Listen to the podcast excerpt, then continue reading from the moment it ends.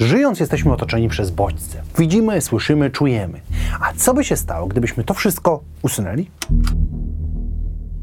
Izolacja jest często wiązana z karą lub czymś negatywnym. Nie bez powodu, no bo człowiek jest istotą społeczną, a nieodłącznym elementem naszego życia jest robienie czegokolwiek. Nie lubimy się nudzić i to poczucie sprawia, że dokonujemy wielkich czynów. Dlatego kara więzienia jest tak powszechnie stosowana, bo jest w pewien sposób izolacją. I to właśnie w więzieniach możemy znaleźć przypadki ludzi, którzy spędzili w izolacji niezwykle dużo czasu. Weźmy na przykład Alberta Wood Foxa, który spędził w izolacji 44 lata. Przez wiele lat nie towarzyszyło mu nic poza jedzeniem dostarczanym w regularnych odstępach. Siedział w betonowej celi sam. Nie widział ani świata zewnętrznego, ani innych ludzi. Oczywiście w późniejszych latach otrzymywał książki czy nawet niewielki telewizor. To pozwoliło mu przetrwać przez większość czasu. Cały czas jednak izolacja mocno odbijała się na jego życiu i cały czas musi borykać się z wieloma konsekwencjami. Ma takie klaustrofobii, a kiedy budzi się, nie wie gdzie jest. Często jest zagubiony, a przez pierwsze miesiące miał problem z dostosowaniem się do rzeczywistości, mimo że jak sam powiedział, jedyna duża zmiana to technologia. Jednak jego izolacja nie była idealna. Przez dostęp do książek, mediów, możliwość pisania listów mógł zająć swój umysł. Tematem dzisiaj jest jednak pełna izolacja. Na przykład taka, którą przetrwał Michael z kanału Visos, a dokładniej z bardzo dobrej serii Mindfield. Podczas jednego z odcinków zamknięty zostaje w pomieszczeniu bez niczego. Jest ono białe, posiada łóżko, toaletę, nieoznakowane butelki wody i pożywienie. Światło nie gaśnie, nie ma żadnych napisów, elementów rozrywki. W takich warunkach spędził 72 godziny. Film ten przedstawia bardzo dużą część konsekwencji izolacji. Warto jednak powiedzieć, że każdy z nas będzie na izolację reagował inaczej. Czynników jest dużo. Nasze zdrowie psychiczne, inteligencja, umiejętności, sprawność fizyczna, czy nawet warunki tej izolacji. Czym innym będzie siedzenie w wiecznie rozświetlonej celi, a czym innym w kompletnej ciemności. Jednak załóżmy, że zamknięcie odbywa się na podobnych warunkach co te w Mindfield.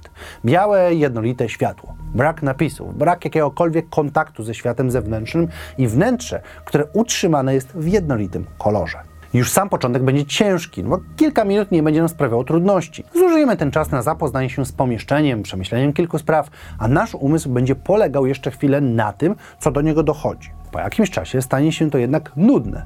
Nie będzie nowych widoków, dźwięków, ani nawet aktywności. Zaczniemy odczuwać nudę, jednak znajdziemy jakieś metody, by z nią walczyć.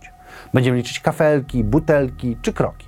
Ludzki umysł lubi liczyć, znajdować wzory i połączenia. W ten sposób się stymuluje, a nam pozwala przetrwać kolejne godziny. Cały czas jednak rosnąć będzie poziom naszego stresu. Niezmieniające się oświetlenie też będzie dla nas niezwykle uciążliwe. Nie będziemy mogli zauważyć upływu czasu. Polegać będziemy musieli na tym, co sami czujemy. Zmęczenie, głód czy pragnienie będą wyznacznikami kolejnych godzin.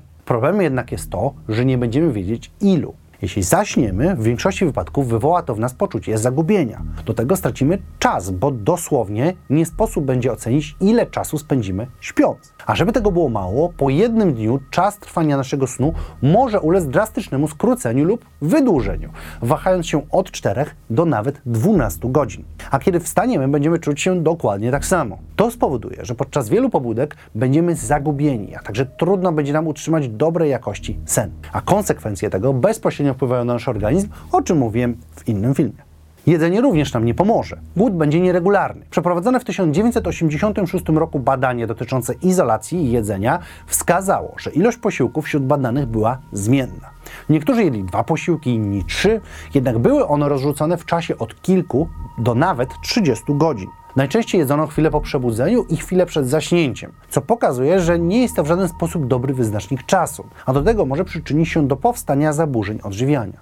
Jednak i tak największym problemem będzie brak stymulacji dla naszego mózgu. Brak dźwięków, jednolite i to samo pomieszczenie spowoduje, że zaczniemy się bardzo nudzić. I nie mowa tutaj o nudzie, która atakuje nas w pracy czy w szkole. Ta związana z izolacją jest kompletna. Atakuje nasz umysł i podwyższa poziom stresu. Dosłownie izolowanie się szkodzi naszemu sercu, bo ciągły stres jest dla niego negatywny. Stany depresyjne i psychotyczne będą nam towarzyszyły po nawet 30 godzinach od zamknięcia. Będziemy czuli się przygnębieni, by za chwilę znaleźć sobie zadanie, które przerwiemy po kilku chwilach. Nasz mózg zacznie szukać metod, by stymulować się samodzielnie. Będziemy mieli omamy i halucynacje. W przestrzeni dostrzegać będziemy wzory zaczniemy wątpić w każdą myśl, tworząc teorie dotyczące tego, co się dzieje. Przykład tego możemy zobaczyć właśnie w Mindfield, gdzie Michael nie zauważył trzech pustych butelek i zaczął szukać ich po całym pokoju, wierząc, że musiał je zgubić. Będziemy też nerwowi. Każdy dźwięk będzie wzbudzał w nas lęk, a każde zapadnięcie w drzemkę wywołuje nieprzyjemne uczucie zagubienia.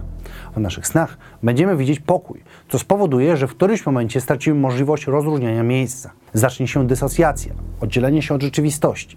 Według psychologów przebywanie w totalnej izolacji przez dłużej niż 3 dni niesie ze sobą poważne konsekwencje dla zdrowia, a nawet życia. Nasze ciśnienie wzrośnie, narażając się na stres, zwiększym prawdopodobieństwo wszystkich chorób krążenia. Nasze zdolności kognitywne ulegną pogorszeniu, a nasze zdolności społeczne również mogą to zrobić. Szczególnym problemem jest też izolacja społeczna, którą część z nas mogła doświadczyć podczas roku 2020 i 2021.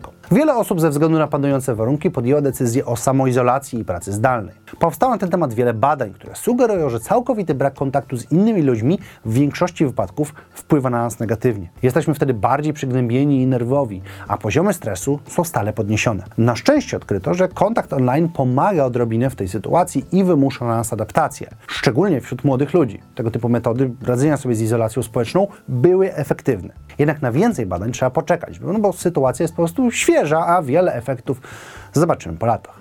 Z problemem izolacji ścierają się też wszystkie agencje kosmiczne, a także ekspedycje naukowe. To właśnie przy okazji lotów kosmicznych, wypraw arktycznych czy innych tego typu podróży, człowiek narażony może być na długie okresy izolacji. Z tego powodu organizowane są treningi, regularne badania i inne zabiegi, które mają jak najbardziej ograniczyć nudę i stres, a przez to zapobiec komplikacjom.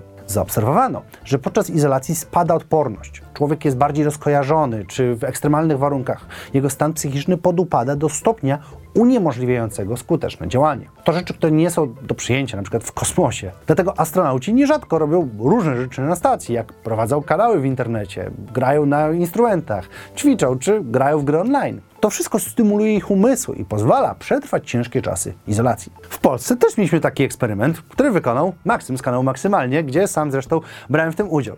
Nie była to do końca izolacja, bo torturowano nas, ale cały czas pokazuje, jak niewiele potrzeba, by kompletnie zaszkodzić człowiekowi. No dzisiaj to tyle, a dzisiaj zapraszam Was być może do zasubskrybowania, jeżeli jeszcze tego nie zrobiliście, a także mam nadzieję, że widzimy się w każdy piątek. Trzymajcie się ciepło, cześć!